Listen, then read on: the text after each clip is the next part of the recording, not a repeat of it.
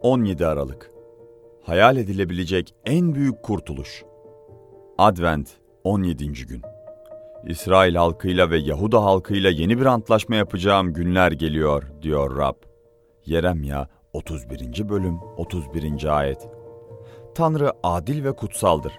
Bizim gibi günahkarlardan tümüyle ayrıdır. Doğuş zamanında ve diğer tüm zamanlardaki asıl sorunumuz işte budur. Adil ve kutsal olan bir Tanrı ile aramızı nasıl düzelteceğiz? Yine de Tanrı merhametlidir ve Yeremya 31. bölümde Mesih'ten 500 yıl öncesinde günün birinde yeni bir şey yapacağını vaat etmiştir. Gölgeleri Mesih'in gerçekliğiyle değiştirecektir. Kudretli bir şekilde yüreklerimizi mesken tutacak ve kendi iradesini yüreklerimize yazacaktır. Böylece biz de dış etkenlerin zorlamasıyla değil ancak içten gelen ve gönüllü bir biçimde onu sevecek, ona güvenecek ve onu takip edeceğizdir.'' Bu hayal edebileceğimiz en büyük kurtuluş olurdu.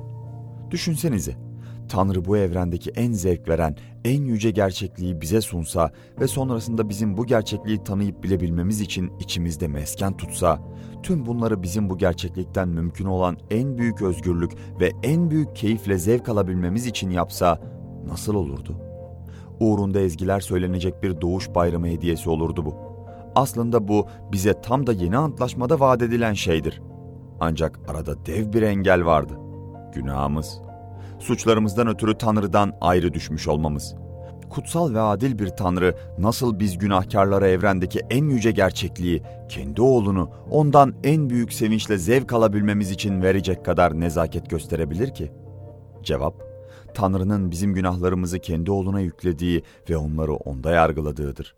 Öyle ki günahları aklından silip atabilsin, bizimle merhametle ilgilenebilsin ve aynı anda da hem adil hem de kutsal kalabilsin.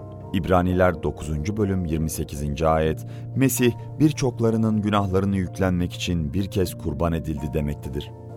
Mesih ölümünde kendi bedeninde bizim günahlarımızı taşıdı. 1. Petrus 2. bölüm 24. ayet. Mahkumiyetimizi üstlendi. Romalılar 8. bölüm 3. ayet suçumuzu iptal etti.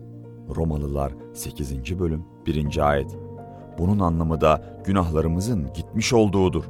Elçilerin işleri 10. bölüm 43. ayet. Tanrı'nın aklında bizim mahkumiyetimize temel teşkil edecek bir unsur olarak kalmamaktadırlar. Bu anlamda Tanrı onları unutmaktadır.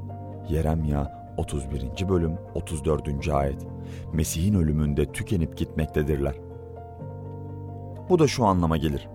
Tanrı şimdi kendi adaletine bağlı kalarak kelimelere sığmayacak kadar yüce yeni antlaşma vaatlerinin tümüyle armağanlarını özgürce üzerimize dökebilmektedir. Bize zevk alabilmemiz için Mesih'i evrendeki en yüce gerçekliği vermektedir. Ayrıca kendi iradesini yani kendi yüreğini bizim yüreklerimize yazmaktadır. Öyle ki Mesih'i sevip ona güvenebilelim ve onu içten dışa özgürce ve sevinçle takip edebilelim.